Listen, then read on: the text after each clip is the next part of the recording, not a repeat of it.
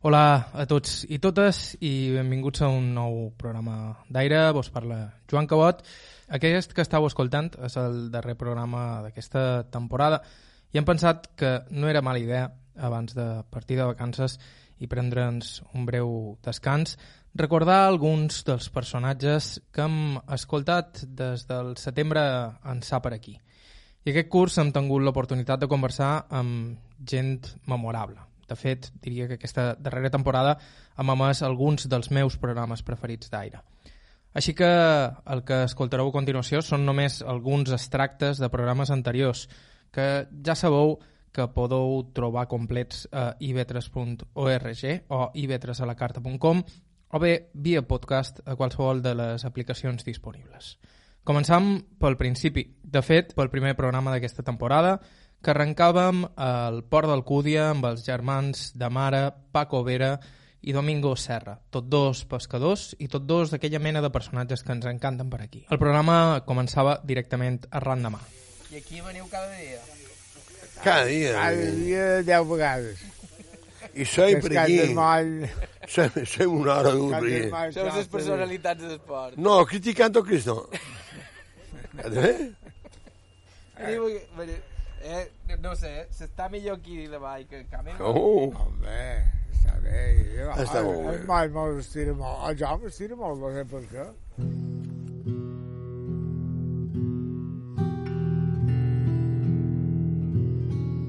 El primer que escoltam és el germà gran, en Paco Vera. El pescador, el meu pare.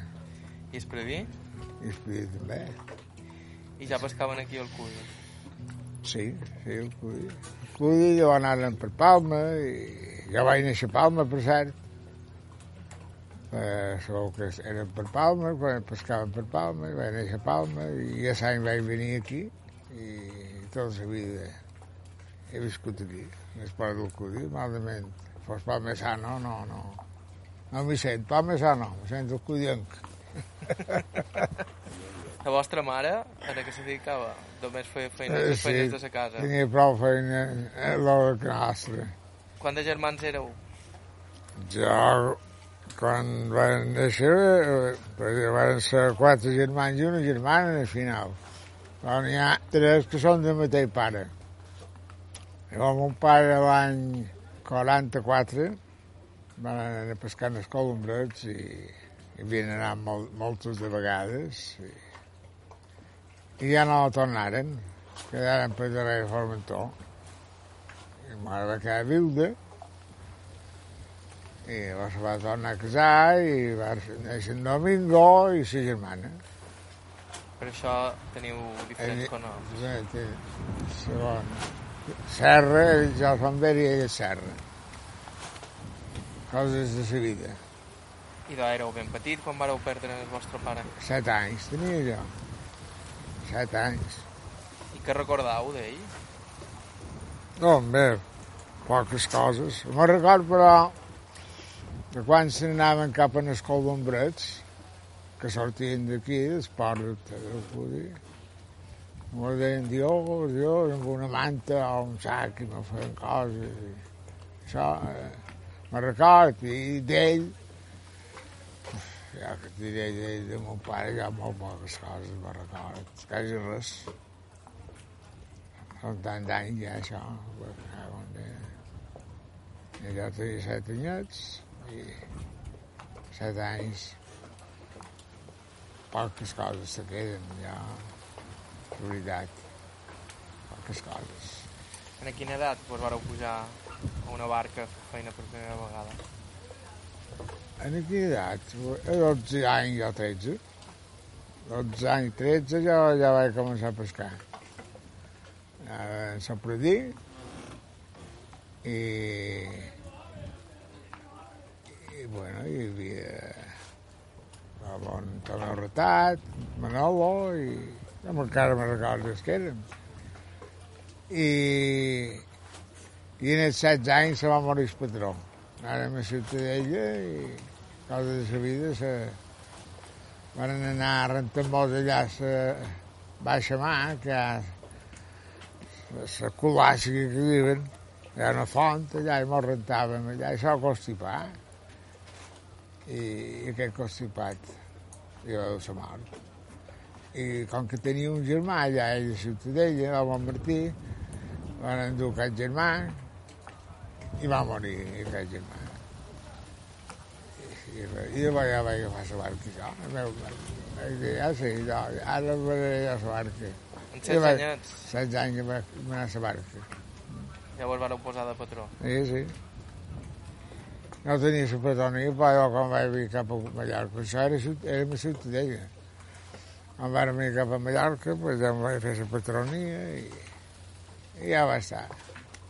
I tota la vida vaig anar a barca. Molta fam passaven, a veus. Sí, perquè jo quan vaig quedar, mon pare va morir negat en 30, al 44, eh, a escola, tenia 7 o 8 anys, i n'hi havia qualcun que duia un bon llesquís de pa per berenar. I jo, a tu veus, jo, jo, jo saps qui era? Jaume Llitrà. Jaume Llitrà, un que feia de pagès, que jo va que va ser pescador. Jo me dinava darrere, darrere. Em dona un bossi. I era tan mal al lot, va ser molt mal al lot, en Jaume Balló, sempre me'n donava la meitat. Trobava més bo, que bossi de pan. Ah, dia. Ara molt aviat passar. Jo m'he vist menjar, en vez de fer sopa, sopa de mis, menjar allò com les gallines, un, eh, eh, florat, o capolat, i menjàvem sopa eh, va passar molt malament, tu bé. Que una doma de passar, passar fam, nada. Temporal n'hi havia, perquè quan era bon temps era més bon temps. Però temporal, quan era un, havia un temporal, era fort, doncs. Perquè Duraven vuit dies el temporal, llavors. Ara fa una ratxa d'un dia sense més bon temps. Però jo duraven vuit dies temporals. I com ho coneixíeu? Perquè abans no teníeu tanta... No, no, no, no, no quan- m'arribava no coneixien res. Sabien res, vull dir que ves per bon temps, sorties a la mà i en la nit entrava... No sabien res, avui saben el que farà d'aquí 15 dies. Però llavors, eh, i, i encara més endarrere de, de, de, de jo, pues, aquí se pescava la, ton, la tonyina, amb un de villes, les vaques sortien i se n'anaven darrere Ferruig. Avui el bon temps, anem cap a Ferruig i en nit els hi entrava el gargau aquest al nord i, i se morien bastants. Perquè volien treure la xarxa, que era la principal, l'únic que tenien, i, i el mal temps pues, se carregava la xarxa, eh, la barca i ells. Van morir bastants. No sabien res del que, del que dius eh, quan vols entrar, que no sabien res. El que farà d'aquí una hora no ho sabíem. I ara ho saben tot. Sap que tenen avantatges ara els pescadors.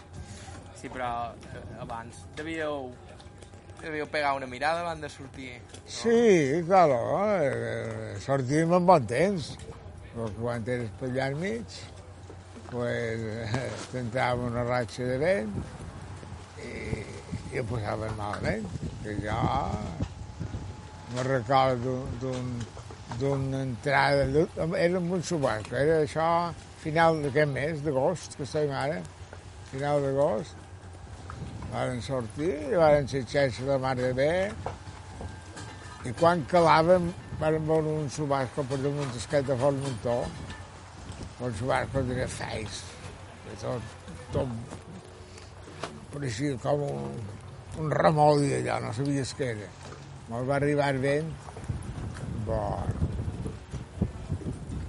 me'l van salvar, però eh, me'l van salvar, però aquest dia a, a Menorca se va perdre una barca, amb aquest xubasco.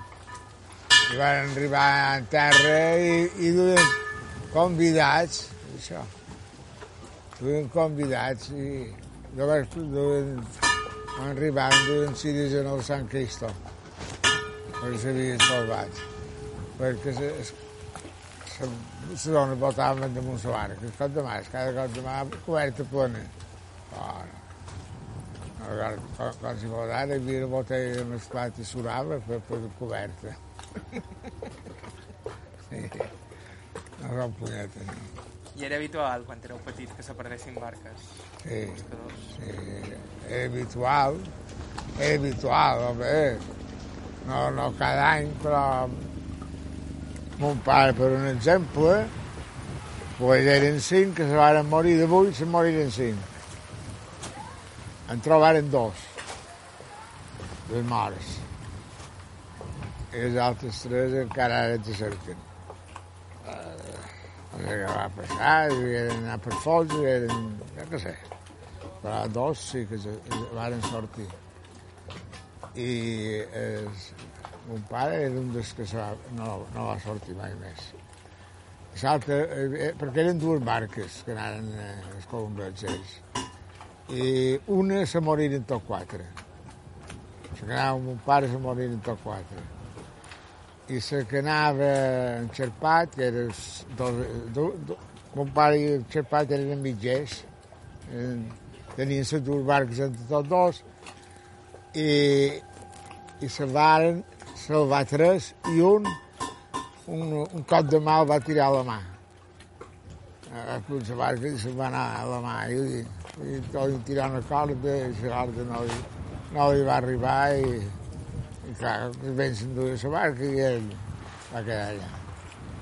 I els altres tres pues, van tenir la sort que la barca dins Cala Figuera, antes de voltar al cap de Formentor, allà va venir una ola molt grossa, va, va, va, i la va fotre en terra sud i la van poder votar i, i quedar llibres. Quedar llibres. Esperar càlcul que se trobàs, i se anaven a peu, una possessió, no sé on, i casa que venen.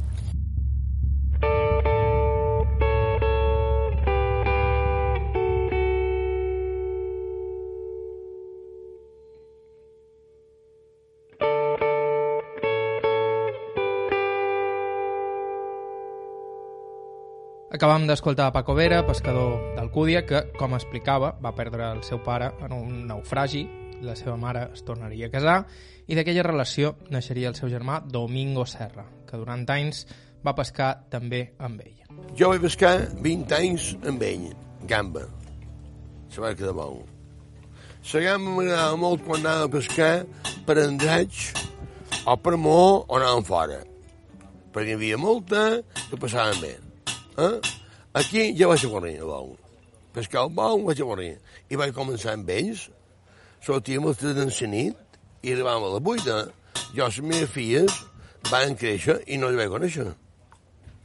Ten, ten, ten, ten dues nines, jo no les vaig conèixer créixer. Però llavors jo, el que m'agrada molt és la vaca petita, a palangre. He pescat 15 anys palangre. No, jo pescat hora més. I que solíeu agafar amb palangre? Jots, de, de tot, de tot. Orades, sars, pagre, de tot. tot tota la de peix, en acabat. Sí, anava a bon tot. Però, però ara, el que diu Paco, són partes. Va allà amb els? Llavors, jo t'ho dic, quan comencem amb Paco a pescar el bau, sortíem a 3 de la i a les 8. Te'n compte? A les 8, jo a nines eh, me n'anava bé, però no, no, no havia vist i arribava, tot- i arribava de matí igual, no? Sempre igual. Podíeu descansar quan, quan estàveu enmig del trajecte o... Pot passar. Allà, potser, ell, ell i jo m'anàvem a la barca i no, i no a mi gens, una hora. Sortint d'aquí, jo, per exemple, el niño està en el timó, eh? i jo dormia una hora, o una hora i mitja que mi, i, i ell igual. I encara malament. Ho passàvem puta, me'n record, me'n record, jo vaig començar a pescar el bou amb ell, en la seva sogra. I era un home que deia que, que era molt maniós, si veia un moix negre això, ja, ja no Ja no sortia. O si veia un capellà, tant no. Capellà, si veia un capellà, ja era prou no. Però aquest home, una festa que, que, que una festa, una festa no, no, no m'agrada, no volia prendre per terra. Ell van emmollar tres pits seguides, la gatxa cosida. Saps què és gatxa? No. Gatxa és un pil que aquí és cul, aquí poses El de sac. aquí el cul Sac. de sac, marres un pil així passat, perquè el peix quedi. No el deixaven de passar. El peix quan en el, en el tercer vegada diu, me cago en Déu, per terra. Això ho acaben ells. Ah, Déu. És a dir, la tercera vegada que treia Eh, això sap, sense peix. Però era un home que Ai, jo... abans tots ulls, deia. Era un home- borda, Era un home que jo, Abans tots ulls. que jo me recordo, jo era un al·lot i ja veia timó. Tenia compte estar dos dies seguits damunt del cable. Ei, Eh? I aquest home, eh, tot estava 20, 24 hores o 48 hores a una altra cosa. Amb motors en s'aturar, quan jo pescava, dia i nit, eh? sí, nit. Dia i nit, bum, bum, bum, bum, bum, bum, bum. El dissabte, quan m'arrava, em manxa com sabe. Eh, I era, eren barques petites, llavors eren barquetes de... Devíeu notar més, Ah, encara. que fa una peixada. Va agafar una peixada. Era petit però marinera. Les marineres són quillades. Ra- i rases. Una barca marinera a la quillada. I Ara, rasa, ara, per exemple, aqu aquestes barques, aquestes barques, aquestes barques de plàstic, tant, tant aquella barca que tenien ells com a cada agulla eren marineres. Tant si volen pelut com si volen pelat. Jo tingués un cal d'agulla de plàstic, no ho canviaria. Les barques de, de plàstic, de fusta, eren més, més feixugues, per això eren més marineres. I calen Més més, feixugues. Calaven, calaven molt. 3 metres. Eren més rases. Rases vol dir que els bornals a prop de, Camina més, de la no? mà. Pomet o... o Per més això- Una barca més marinera. Aquesta barca és una conocedora de l'Orullut.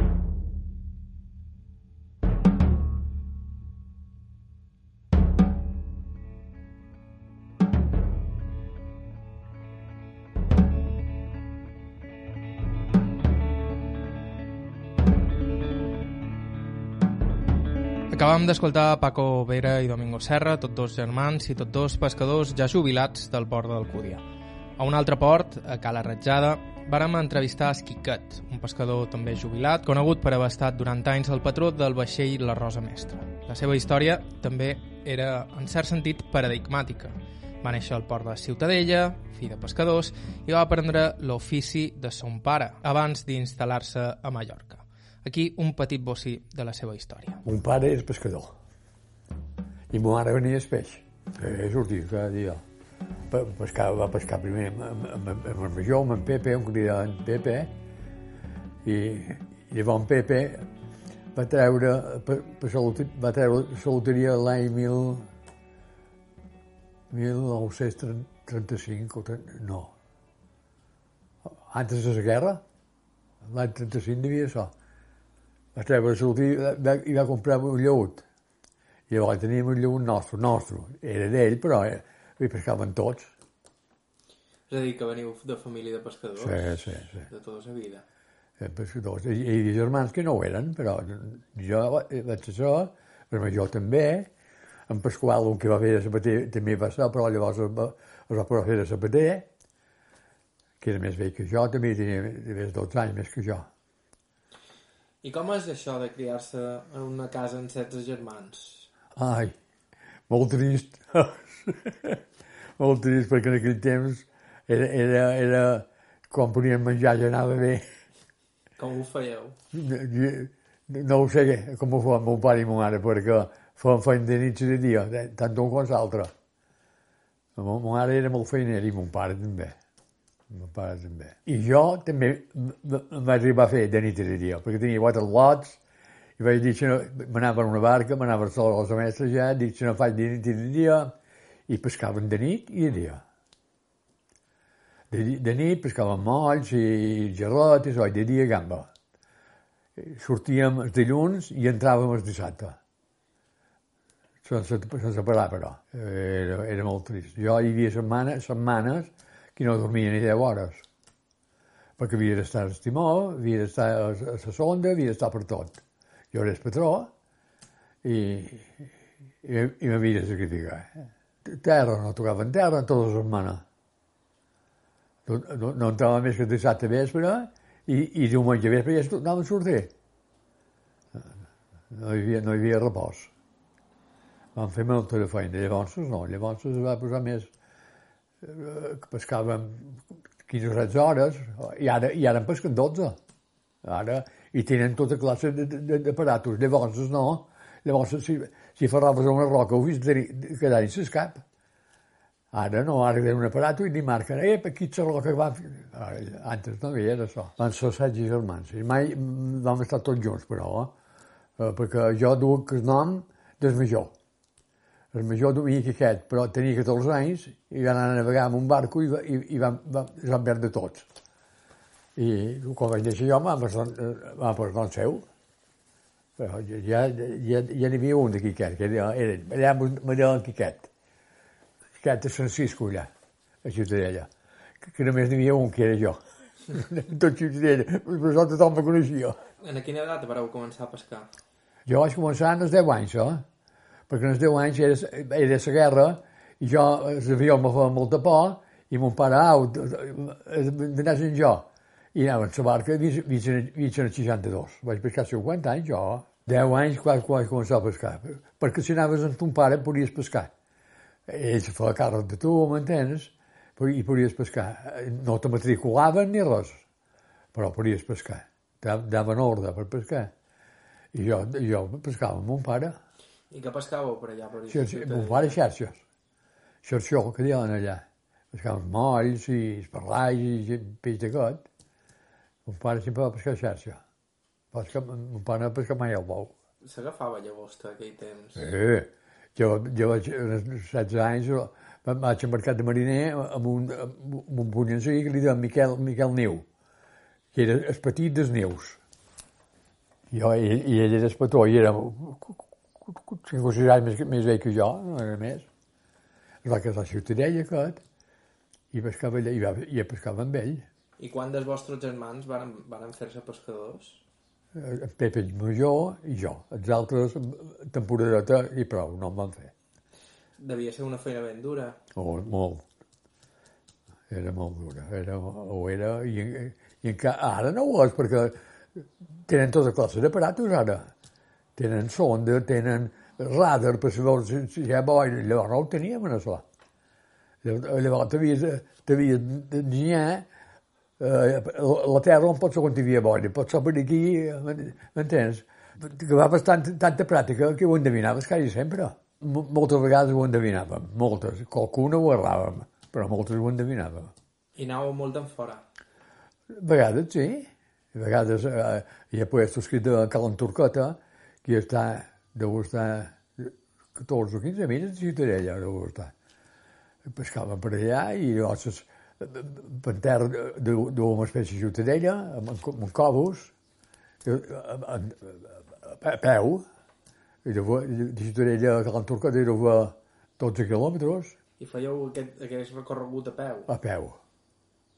Quan pescàvem a Calanturca en l'hivern a peu. Eh? I si no, anàvem a Ciutadella, però tardava molt de temps. Se tardava més en barca que en... No, a peu, eh, menys.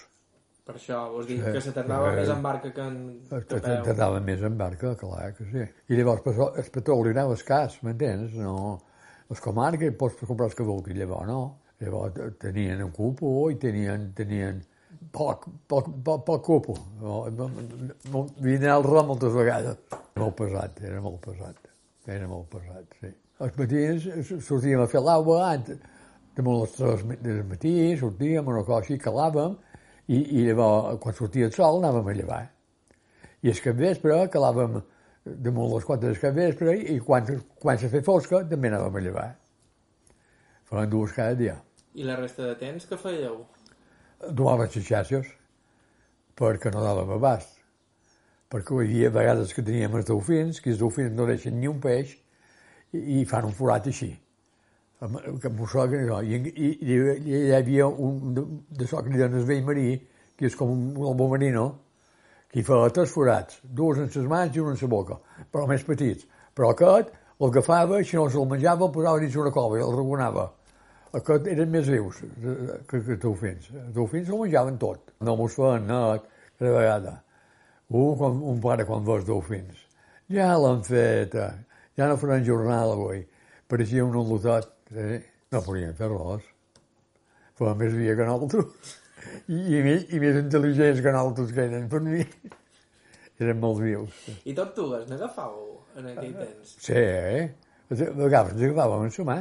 Em vaig jurar a agafar i menjar. Menjar, menjar una vegada, vaig tenir un còlic i no mengia mai més jo. No em vaig menjar mai més. Perquè hi havia molt de pescadors que en menjaven. Home, sí, i bona que, que era. Jo la vaig trobar bona, però vaig tenir un còlic. Hi havia molta gana, i i vaig menjar més de la cuenta, i, i, i vaig vomitar no sé quantes hores. Va anar molt malament. I ara no em vaig menjar més.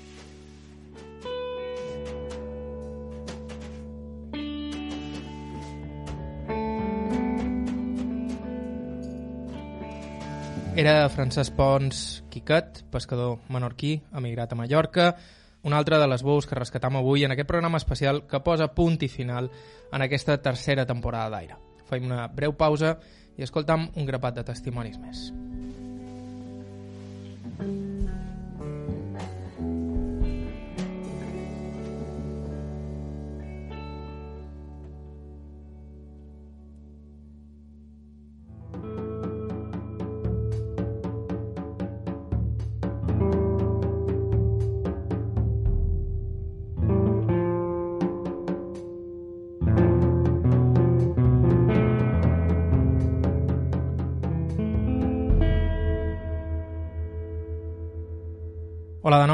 nou, estàu escoltant Aire a IB3 Ràdio, som en Joan Cabot i avui partim de vacances. Estàu escoltant el darrer programa d'aquesta temporada, la tercera ja, i per a celebrar-ho hem decidit recuperar alguns dels personatges que més ens han marcat aquests mesos.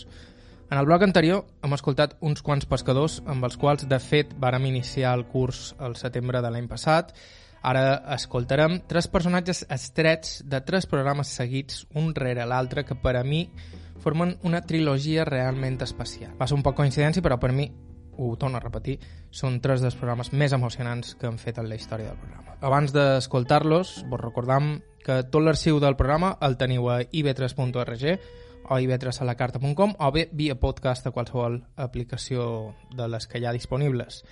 El primer testimoni que recordam és el de l'amo en Guillem Grimalt, nascut a Porreres l'any 1919, a qui vàrem entrevistar poc després, pocs dies després de celebrar els seus 101 anys de vida.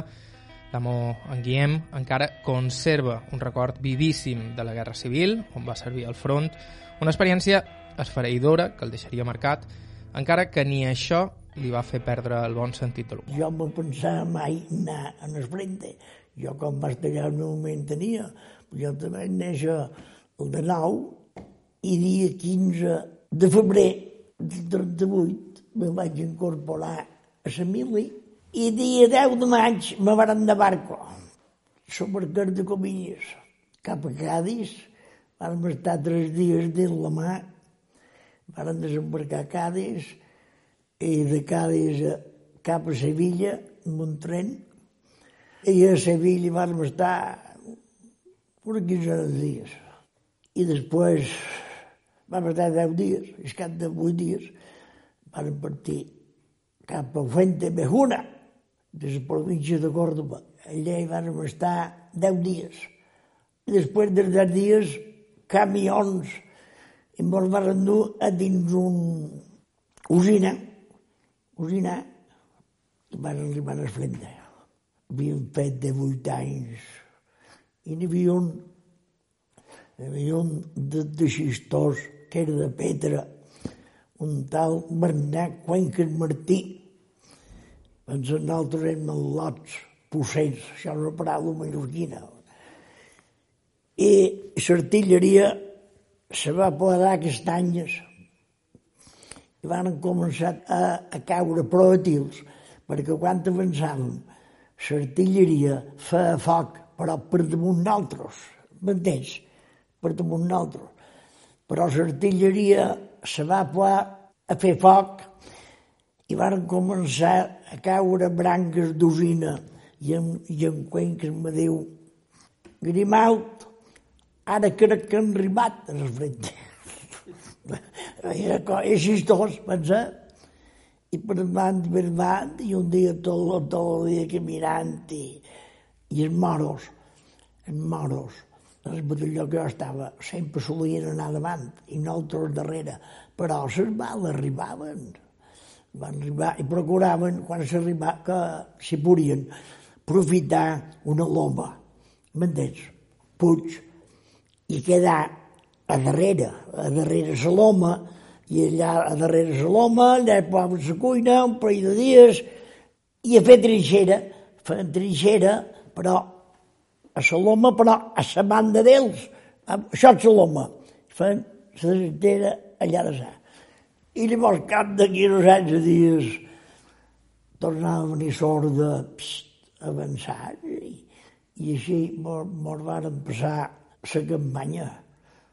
Vaig estar punyeta, vam entrar des dia 10 d'agost, van sortir les trinxeres dia 26 de, de març, març, i van comptar la campanya per allà. I van anar, se va embarcar dia 10 de maig, dia 10 de maig, el mercat de Comilla, tot, tot, un, un parell de trimestres, tot seguit de la 40, se, se les va entregar. Dia 10 de maig, dia 10 de maig, mos vàrem embarcar dia 10 de maig. Jo que sé que eren moltíssims, dia 10 de maig del 38, tot seguit de la 40 se va embarcar. Mira. Sí que era... No, no, i no, no ho demanaven, no ho demanaven. Hi havia, van demanar la quinta i, i, i a callar-se la boca. Oi! Oh, que hi havia els falangistes que eren voluntaris, però quan va venir, quan demanaven les quintes, no em demanaven si eres blanc ni negre, a formar-hi i, i, i, i Marco. No, havia, havia Dormando, havia Dormando, i en Franco era, era de la banda de, de, de, era en Franco i, i Nacional i, i endavant. Sí, no, no em demanaven res. Hi havia, hi havia ordre, es van demanar no, no, no em prenyaven. El frente, el dia que no, el dia que no avançaves, perquè el primer, quan, quan havies avançat, havies de fer trinxera, perquè les bales te, te, te, te mataven. Els avançaves, X quilòmetres, i allà on t'aturaves, havia de fer trinxera. Hi havia vegades que aquella aturada durava un mes, un mes, a dins la trinxera, i allà els vespres, els vespres nombraven plantons que no, que no venien l'enemic. Hi havia vegades que feien els contraris, eh, els republicans, se deien golpes de mano. Estàvem en aquella loma i hi havia oficials, oficials xulos que, que no sabien. Això, això, això era un desastre. Per anar a conquistar una loma que millor eren deu cortarades, que no hi havia ningú, ni estava edificat, però només per dir eh, un golpe de mà. Això, això passava. Sap que n'hi quedaven molts els golpes de manos. Això passava. No feien cada, però cada mes hi havia coses d'aquestes. Anaven a conquistar els nostres. A vegades hi havia oficial que de, han d'anar a conquistar aquell puig, m'entens? Això, això passava. Però no anaves cada, cada, cada instant, però passava, se de golpes de mano. Batudells vaig esperar, jo estava en batalladores, sí, però no, no, no sabia, no sabia quin queia. I una vegada em van fer una de, de, de Vansadilla dins un camp dia 10, me'n recordaré, dia 10 d'agost. Era un camp que tenc que dir jo. Hi havia a centre de cortarades sense un arbre ni res. I a l'enfront hi havia, hi havia una cordillera, una cordillera de muntanyes, nosaltres vam entrar a dins aquell, a dins aquell pla. I mordien de capells, de capells de palmes, saps què són? Capells de palmes pintats de pintura. Les bales passaven, que tenc que dir tothom els va perdre els capells. Varen ferir el comandant, però en van matar bastants de, de, de, els que anaven més, més davant va fer el comandant, me recorda que va passar per davant l'altre, que també és, de, és el capità. Capitán, hace usted cargo del batallón que, que a mí me han dado. M'he dat un resquit. Això era el dia 10 d'agost. Se feien presoners, se feien, se feien presoners i se'n passaven qualcun. Se'n passaven qualcun. Jo, una, en una ocasió que vàrem avançar, eh, allà on mos van aturar, com que es cap d'una estona hi havia dos de transmissions que se varen, va, se varen mesclar amb altres, que els al·lots estaven perduts i quan se varen demà varen estar amb altres. Això ha estat, ha estat el que m'ha fet més assumpte a la vida que els dos eren lots joves. I, i el comandant van, van, van veure que eren, que eren republicans. I el comandant va dir, ver-se, marxar-se. I hi havia una brigadilla de moros, ja sabien la consigna com van ser. Vint passen fora, de la mà ha estat la cosa que m'ha fet més un que els alors estaven perduts. Estaven perduts, va equivocar. Que els alors els havien d'haver fets pressioners, però jo vaig fer aquell número, això ho he vist també, van fer de tot. Jo van arribar a mitjan juliol, en el frente, me va pegar una enfermedad que se diu espeludisme, però com que és que només tenien calentura, jo vaig estar 20 dies a dins una mata 42 graus de febre. Me vaig primar un quilo cada dia, però només evacuaven els frits, els frits, els de febre dins la mata. Eh, estava conscient. Jo tenia, havia tingut una nòvia, ara jo dic,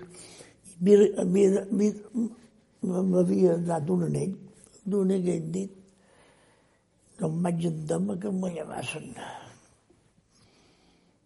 Com, com va passar la febre, vas veure que vaig començar a aixecar, just just me contava, i n'hi havia un de, les, de les salines.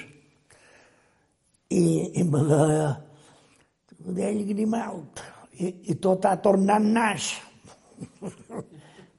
no me donava, i llavors a poc a poc, a poc a poc. Vaig anar, vaig dir a de la cuina, a la cuina, de, mira, si me duries un pot de, un pot de vinagre. Dius que de fer vinagre. Dol, dol. Me va dur vinagre i el primer vaig fer gorgues de vinagre. Saps què és fer gorgues? De vinagre. Ah, vinagre sense rebaixar. La boca en pen no vull dir que pareixia que m'havia fet. I me vaig llevar aquell endurut i, i, i vaig tornar a llorar. Ah, això em va passar allò. 42 grams de febre en més de 20 dies. Groc, vaig tornar groc com un canari. Bo! Mo mare, mo mare de matins se rentava la cara de llàgrimes. Mare, una mare. La germana, germana, no em portava que m'ho digués. Com vaig venir fa tres anys que, que, que no l'he vista vaig venir en so tren, de Palma Porreres, i ella m'espera amb mà. I me pensava que et murmural, no el podia deferrar de cap manera. De cap manera. És això. Una mare. Eh, una mare, n'hi ha una.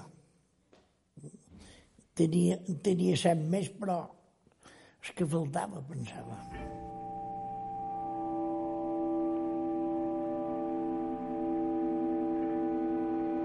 Era Guillem Grimal, de Porreres, nascut el 1979, entrevistat poc després de complir els 101 anys, que ens explicava els seus records de la guerra.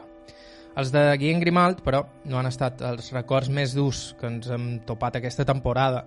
Sens dubte, la història més dura i tràgica ha estat la de Sasha Artés. Nascuda a Argentina però instal·lada a Campanat des de fa anys, Artés va ser una de les mares de la Plaza de Mayo i va lluitar durant anys per saber on era la seva filla i sobretot recuperar la seva neta, que només tenia 9 mesos quan la policia militar va detenir la seva mare. Per a Sasha Artés, la detenció de la seva filla era especialment dolorosa, perquè ella mateixa ja havia passat pel mateix. Estaba en mi casa con mis dos hijos y golpean la puerta. Aunque cosa bien curiosa, nosotros teníamos un chalecito frente al, jardín botánico y nos llamaba la atención porque mi, hija estudiaba y venía a veces salía tarde de, de- de la universidad y veíamos cosas raras. Estaba lloviendo y frente a mi casa había árboles y te encontrabas con un señor vestido de azul lloviendo de noche y leyendo. La cosa más ridícula, más eh, eh, eh, inoperante, porque había que ser más que estúpidos para darse cuenta que ese tipo estaba mirando qué, qué era lo que estaba mirando. Y bueno, y, y un buen día golpearon mi, mi puerta, me estaba preparando para, para ir a la, a la televisión y resulta que abre la, la empleada doméstica que, que teníamos y dice, señora y señora, y la, la policía, la policía. Digo, ¿qué pasa? ¿Qué, qué, qué, qué? Y potentes machos. Digo, bueno, ¿qué pasa? ¿Qué, qué, problema hay? Que la venimos a buscar a usted. ¿A mí? ¿Por qué? Se lo, se lo dirán en el departamento de extranjería. Y, y bueno, me llevaron, yo sin saber nada, ¿por qué? Mis hijos estaban en casa, pobres, menudo susto. Pero bueno, se quedaron tranquilos, llamaron a, a la abogada que teníamos siempre, que era de la, de la Embajada Argentina. Y bueno, llegué a, a- al lugar este y lo primero que hacen me meten adentro. Hay un- una reja enorme que tapa la diferencia de donde están los presos. Hombres de este lado. De este lado, mamás con sus cholitas, las indecitas, dándole la teta a sus guaguas, le llaman ellos.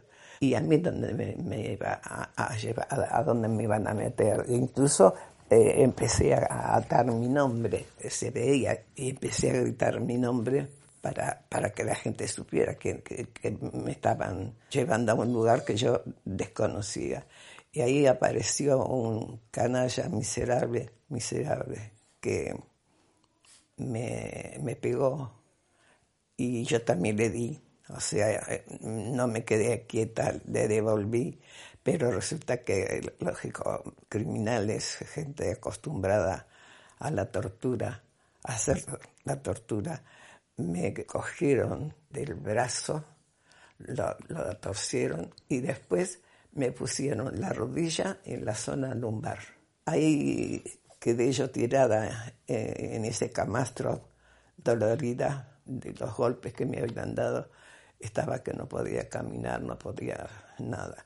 Y yo seguía gritando, gritando que quería ir al baño, que me sacaran, que, que, que, que- bueno, gritar, sentirme viva incluso. Y entonces venían una vez al día otras mujeres presas. Una de ellas la mandaban a que me llevara a mí al, baño. Cuando yo miré mi cara en, el espejo, no, no me reconocí.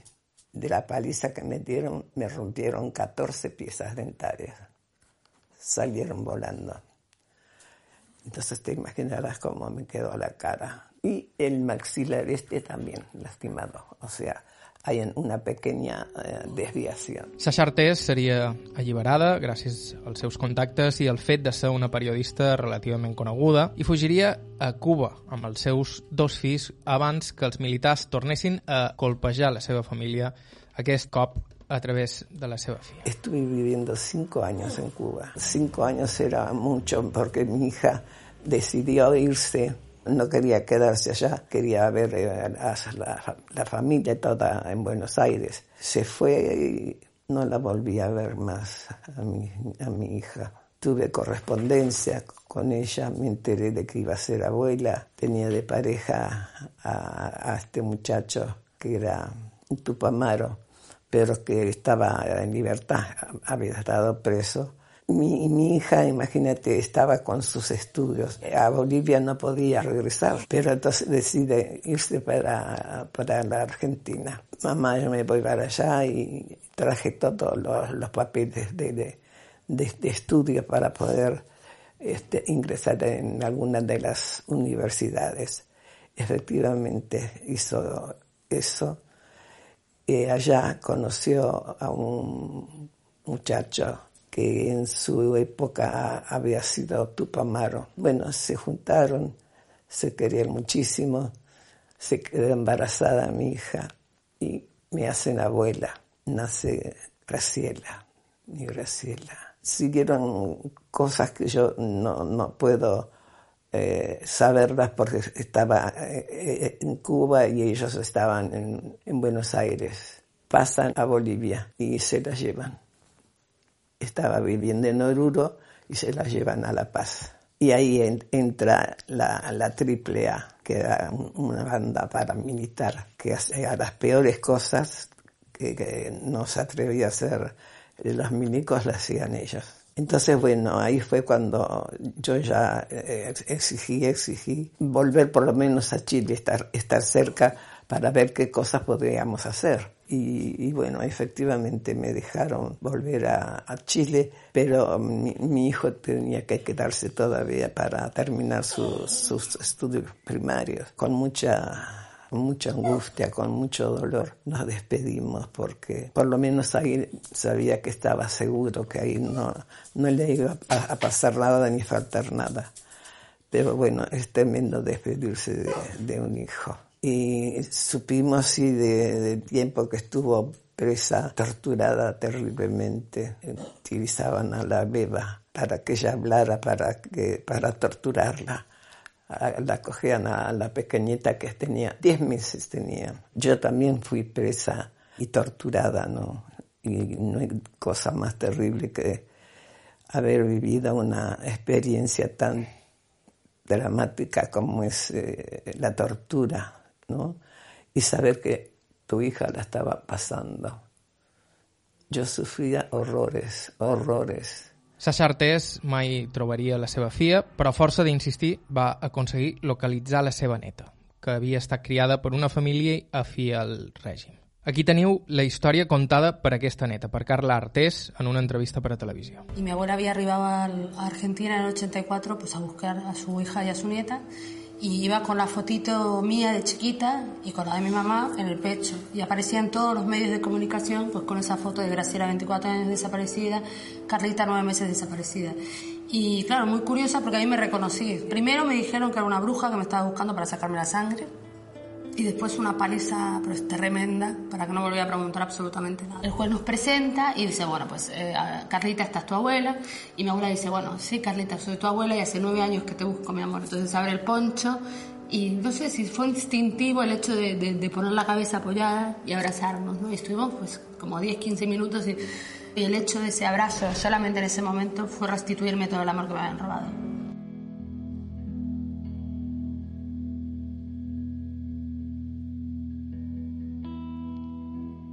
La de Sasha Artés, com han dit, és una de les històries més dures que hem escoltat aquests darrers mesos, així que per acabar, un dels moments més graciosos. Pet Sánchez, de malnom Pep Rei, nascut a Solla, ens el van trobar pel carrer, literalment, i va ser una de les majors casualitats d'aquesta temporada perquè era tot un personatge. En Pep ens va contar, mig de la plaça Pere Garau de Palma, una història sobre els anys posteriors a la guerra, quan feia feina en un dels forns del seu poble. I la Madonna fa dos primers per jo i dos segons per jo però la feina que feia. I llavors, si fora poco, a Fornalui no hi havia forn. I jo, siguent una dona 9 10 anys, amb una bicicleta de l'amo que apenas arribava al pedal, amb una canasta d'aquelles de madera, eh, hi havia de dues pa, les cocarradones, les briotxes, el panet, el que tenien comanat, havia de dur a Fornalut. I fins en el filiato de Fornalut, a mitjan lloc, allà, com que era camí de carro, allà ja venia a costa i ja havia d'empènyer la bicicleta fins en el forn. Te va bé. El millor de tot va venir la fiscalia. El panet d'oli molt era d'Estrapel·la, Estrapel·la.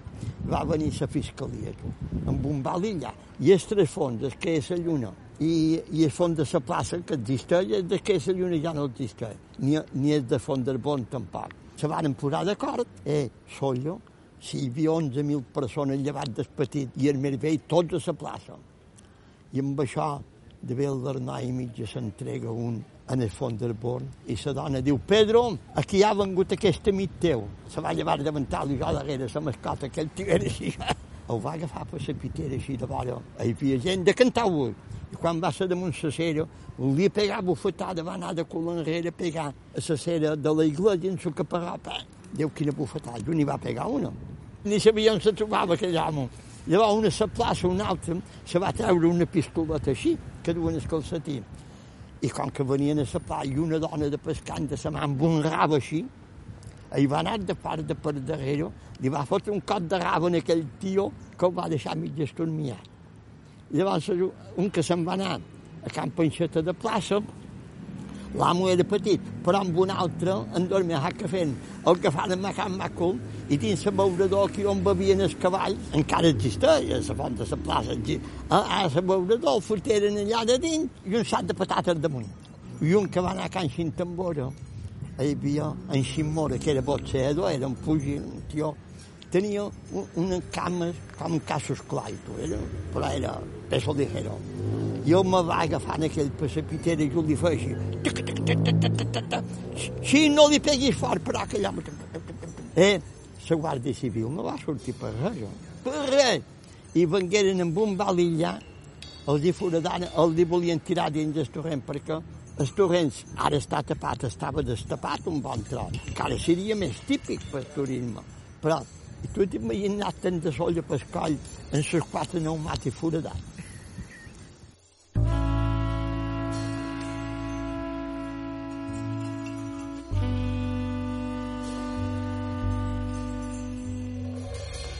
I fins aquí el programa d'avui, fins aquí gaire per aquest curs 2019-2020. Aquest pròxim agost escoltareu reposicions d'alguns dels nostres programes preferits.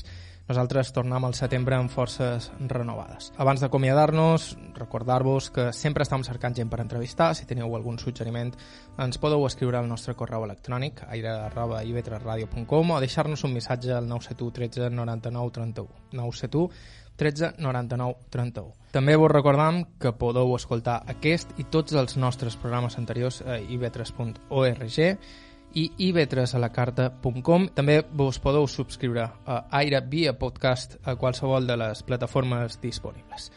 Bàrbara Ferrer a la producció executiva, direcció, guió, edició d'àudio i locució a càrrec d'un servidor, Joan Cabot. Com sempre, gràcies per ser a l'altre costat, que passeu un molt bon estiu fins setembre.